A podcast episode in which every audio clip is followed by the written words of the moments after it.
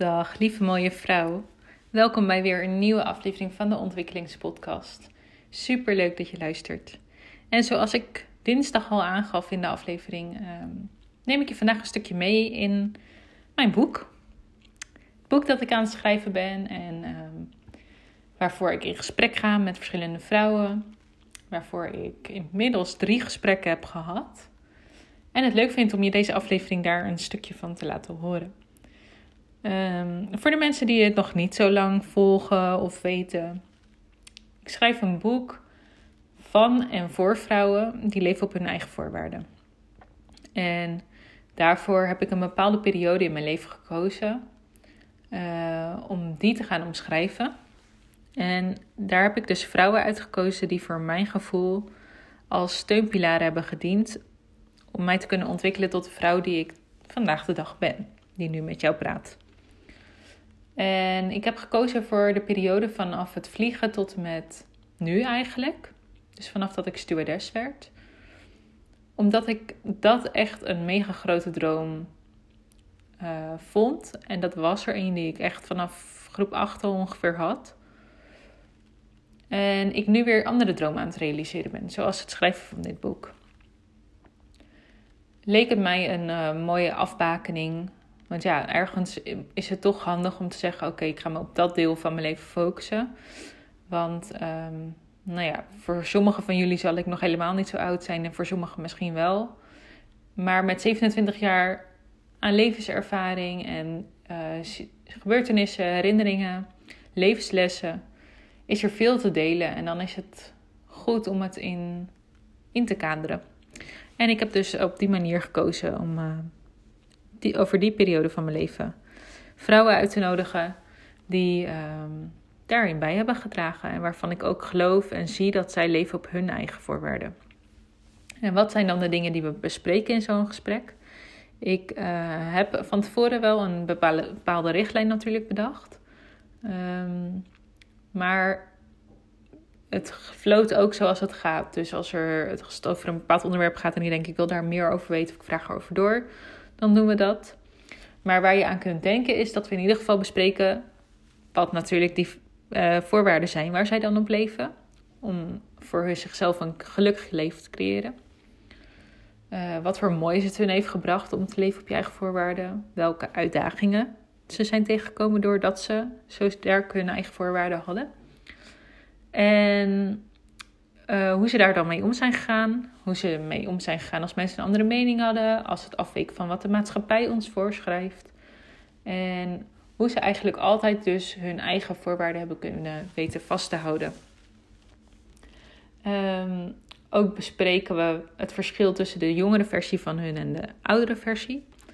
En inmiddels heb ik dus drie vrouwen mogen spreken. Drie vrouwen van uh, Keulseweg. Dat is waar ik de opleiding heb gedaan om gecertificeerd paardencoach te worden. En um, ja, die hadden toevallig allemaal meteen tijd, dus die hebben we meteen ingepland. En ben ik echt super blij mee, want ik heb er nu dus uh, al echt met drie fantastische vrouwen mogen spreken.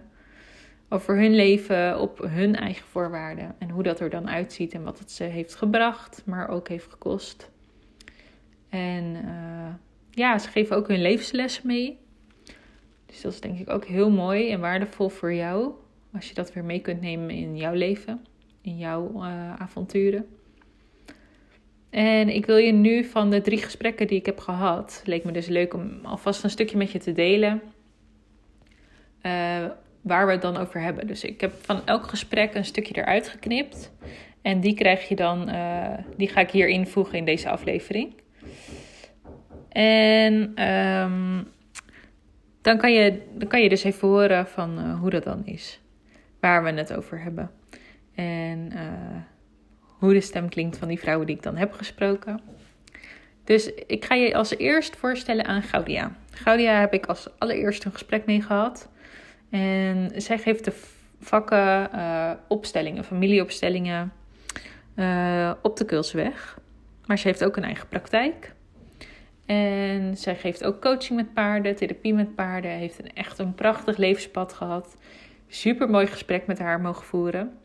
Heel interessant om te horen hoe dat allemaal is verlopen en waar zij allemaal is geweest, waar het haar heeft gebracht en wat het haar heeft gebracht.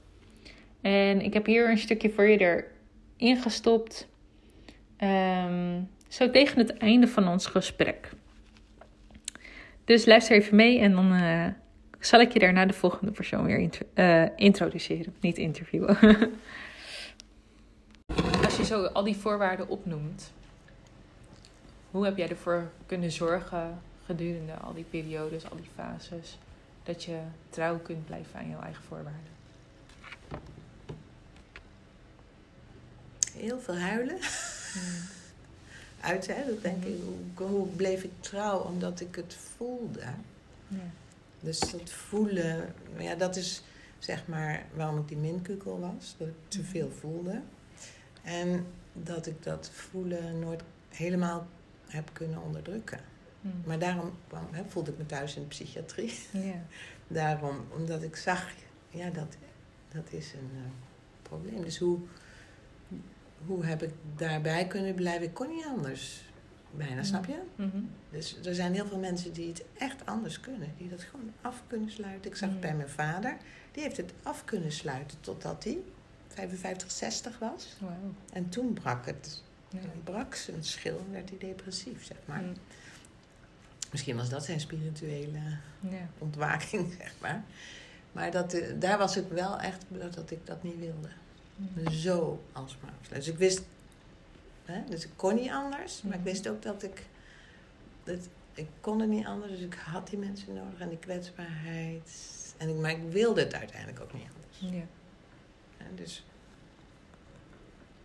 dus het is een beetje, het is, ja, het is niet een echte rationele keuze nee. Uh, geweest. Maar je zou kunnen zeggen, als er dingen op je pad kwamen die ervoor zorgden dat je uit verbinding met jouw eigen voorwaarden kwam. Hoe heb je er dan bijvoorbeeld voor gezorgd dat je toch bij jou, bij jezelf kon blijven? Ja, dat was toch altijd wel met behulp van anderen. Ja. Dus dat ik erover ging praten. Ja. Dat ik, ik had natuurlijk in die shamanistische groep uh, was die Afro-Amerikaan. En als je met hem praat alleen, net zoals met een paard, als je met een mhm. paard bent. Of hè? Ja. Dus als er wederkerigheid is, kom je tot rust. En dan kan je weer helder doorzien uh, hoe het dan echt voor jou is en wat je echt wil. Ja. Ja, en dat was dus een uh, klein stukje uit een gesprek die ik met Gaudia mocht hebben. Uh, super mooi om dat allemaal te mogen horen. En ehm, de volgende vrouw waar ik mee in gesprek ben geweest is Miranda. Miranda van der Schuur. Zij heeft ook een eigen uh, coachpraktijk aan huis in uh, Moordrecht. Super mooi, paardenplezier heet het. En um, zij is uh, docent op de Kulsweg. Zij is gespecialiseerd in de paardentaal. Dus zij leert ons hoe we met paarden kunnen communiceren in hun eigen taal. Um, omdat ze natuurlijk niet met woorden met ons terug kunnen praten. Daarnaast heeft ze nog echt talloze fantastische opleidingen gedaan, ervaring in heel veel verschillende gebieden. Het is echt een uh, hele bijzondere vrouw die ook heel goed de levenservaring die zij heeft om mee te zetten in praktische voorbeelden en concrete verhalen, waardoor het echt gaat leven als je haar hoort praten. En van haar gesprek of van ons gesprek heb ik het middenstukje eruit gepakt. Dus kun je even meeluisteren waar wij het over hebben. En, en wat heeft het jou voor mooie dingen gebracht, dat leven op je eigen voorwaarden? Nou ja, kijk op je heen. ja. afgezien van, uh, kijk, het is een heel mooi bedrijf en uh, super voor elkaar, maar wat ik eigenlijk wilde was een thuis creëren, ook voor mezelf. En ja, voor mensen die hier komen en voor dieren die hier komen. Dus, mhm. nou ja, we hadden het net al even over onze katten. Dus we hebben zes katten die volgens mensen allemaal gedragsproblemen hebben. Ja. Ik zie alleen maar dat ze zichzelf zijn. En dat vraagt van mij dat ik op een bepaalde manier met ze omga. Hmm. Dus ja, een rekdol die niet wil knuffelen, maar die het hele erf uh, muizenvrij houdt. Ja. Uh, die is ook een topper, maar misschien is het een ander gebied als uh, de, de, omschrijving had gedaan. Ja. Nou, hetzelfde geldt voor de paarden. Die zijn gewoon echt lekker zichzelf. En allemaal anders. Ja. ja. ik zet heel graag hun kwaliteit in. Mm. Mooi. En als je kijkt naar buiten je bedrijf om, zijn er dan mooie dingen op je pad gekomen doordat je zo sterk wist: dit is wie ik ben en dit is wat ik wil? Mm. Ja, ik, een aantal dingen heb ik mee. Ik ben echt super positief. Ik ben ook eigenlijk heel ernstig ziek geweest en geopereerd mm. vier keer. En bloedingen gehad na de operatie en al. Maar dat, uh, ja, dat, ik had gewoon ook alle vertrouwen dat het goed kwam, zeg maar. Dus mm-hmm. dat heb ik heel erg mee, uh, die positiviteit. Uh. Wat was je vraag nou weer? Wat het voor moois heeft gebracht buiten je bedrijf om. Ja, dus, de positiviteit en een thuisplek kunnen creëren voor mensen, voor dieren, voor onszelf ook. Mijn partner is ook heel erg veranderd hier. Ja. ja. Is echt geaard en uh, zichzelf geworden. En zelfs een beetje extrovert. dat is heel leuk. Ja, dus die balans is soms dus ook uh, veranderd. Of makkelijker of beter. Mm Ja, het heeft me gebracht dat ik veel leuke mensen ken. En veel mensen mag ontmoeten vind ik altijd erg leuk. Een stukje mee mag lopen in hun ja. leven. Of dat nou als leerling is of als coachie of als mhm. leerling soms ook. Ja. Mooi. Ja. En dan als je tegenover die mooie dingen die het je heeft gebracht, zou je zeggen, nou dit waren wel echt uitdagingen. Doordat ik zo goed weet wat ik wil. Ja, daar, uh, daar heb ik natuurlijk ook zat van. Ja, zou je er wat willen delen? Ja, ik heb wel... Ehm, die overtuiging is zo sterk dat ik soms geen keuze heb als dingen te laten klappen. Hmm. Omdat ik het niet anders kan of wil. Allebei natuurlijk. Dus ja, ik ben uh, wel eens in teams geweest waar, uh, nou ja, tegenwoordig noem je dat niet toe. Hè? Vroeger heette dat anders. Maar dat ging ik wel aan de kaak stellen. En dan, hmm. Ja, daar wist iedereen wel een beetje van, maar voor mij kon dat echt niet. Dat, dan was het echt. Uh, ik heb zelfs ergens een keer bij een bedrijf opgezegd daardoor. Ja. Want ik wilde niet zo werken. En, ja. ja, dat zijn best pittige. terwijl andere mensen denken, nou ja, ik kijk weg. Of, maar dat, uh, ja. dat lukt me gewoon niet. Maar dat wil ik ook niet, dus dat is ook oké. Ja. Dus ook. Uh, ja, meerdere bedrijven ben ik wel weggegaan of weggestuurd. Doordat je niet helemaal in het plaatje past of een eigen mening hebt. Of hmm. dingen niet zo wil doen. Ja, en dat is ook wel echt zo'n waardevol stukje wat je nu meekrijgt. En ehm, wat eigenlijk dus het hele gesprek ook tekent. Want het is zo mooi om van vrouwen die het al hebben gedaan en eigenlijk jouw pad hebben afgelegd. En natuurlijk niet jouw pad als in jij hebt altijd je eigen pad. Iedereen heeft zijn eigen pad. Maar we komen wel allemaal dezelfde soort dingen tegen. En hoewel het voor iedereen anders is hoe je daarmee om kan gaan en wat voor jou passend is om erop in te gaan of uh, er met iemand over te praten of juist erover te schrijven of er even mee te zijn. Zit er in grote lijnen natuurlijk wel een, gelijkenis in, in hoe je dingen tegen kan komen of hoe je ermee om zou kunnen gaan. En wellicht heb je het nu niet nodig, maar kan zomaar zijn dat als jij straks bepaalde stappen gaat nemen of in één keer voelt, oh dit past me niet meer waar ik nu sta, ik wil verder groeien, dat je ook bepaalde uitdagingen tegen gaat komen. En dan heb je deze levenslessen die iedereen jou meegeeft in, ehm, in mijn boek. Die kan je dan meenemen en die kan je op een bepaald moment, als je ze nodig hebt, even zo tevoorschijn halen. Ehm, alsof je een soort grabbelton hebt waaruit je dan al die lessen en ideeën en um, ervaring van anderen kunt gaan toepassen. En dan op je eigen manier dus natuurlijk kunt gaan toepassen en vormgeven aan jouw leven. En ja, ik geloof dat dat heel waardevol is om mee te nemen. En daarnaast ook gewoon super interessant om te lezen natuurlijk. Um, en ook te horen in dit geval. Ehm, als laatste waar ik mee in gesprek ben gegaan tot nu toe, ehm, is een hele mooie vrouw. Die ook les geeft op de Kulsweg. Zij geeft, het, uh, zij geeft eigenlijk het hele leerjaar les. Uh, dus leerjaar 1. En nu is ze bezig met het ontwikkelen van level 2. Uh, eh, nee, dat zeg ik verkeerd. Van level 3. Therapie level. en zij heet Wieke. En Wieke die gaat ja, een stukje van het begin van ons gesprek ga je horen. En ja, ga maar gewoon even luisteren. Leuk. Als je zou omschrijven wat jouw voorwaarden zijn voor een gelukkig leven, wat zou je dan Hmm. Voor mij de voorwaarden voor, ja, voor een gelukkig leven zijn echt... En ik denk dat dat een heel grote overkoepelende paraplu is waar heel veel onder hangt. Maar echt wel vrijheid is heel belangrijk voor mij. En ik heb natuurlijk een hele tijd in loondienst gewerkt. En wat ik daarin voelde was dat ik eigenlijk helemaal geen vrijheid had. Mm. Terwijl ik daar wel behoefte aan had. Als ik bijvoorbeeld behoefte heb aan rust, ehm, dan kan ik die nu nemen als ik die nodig heb. Dus dat je echt kan schakelen op wat voor jou belangrijk is. En ik heb nu natuurlijk een jong gezin. Mm. Dus dat ik ook er voor hen kan zijn als dat nodig is.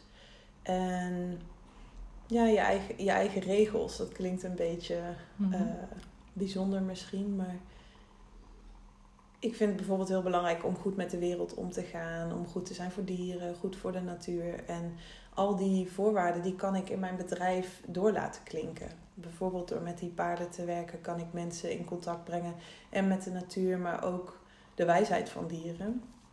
En um, ja, dat is voor mij iets heel belangrijks. Dat ik met mijn werk ook de wereld een stukje mooier maak. Of dat ik daaraan bijdraag. En uh, ja, dat zijn voor mij wel voorwaarden waar ik dan heel gelukkig van word. En dan, ja, dan voel je je ook beter. En ik denk dat je dat ook voelt als je je werk uitoefent. Dat de mensen die bij je komen, dat die dat ook zo ervaren. Ja. ja. Mooi. Dankjewel.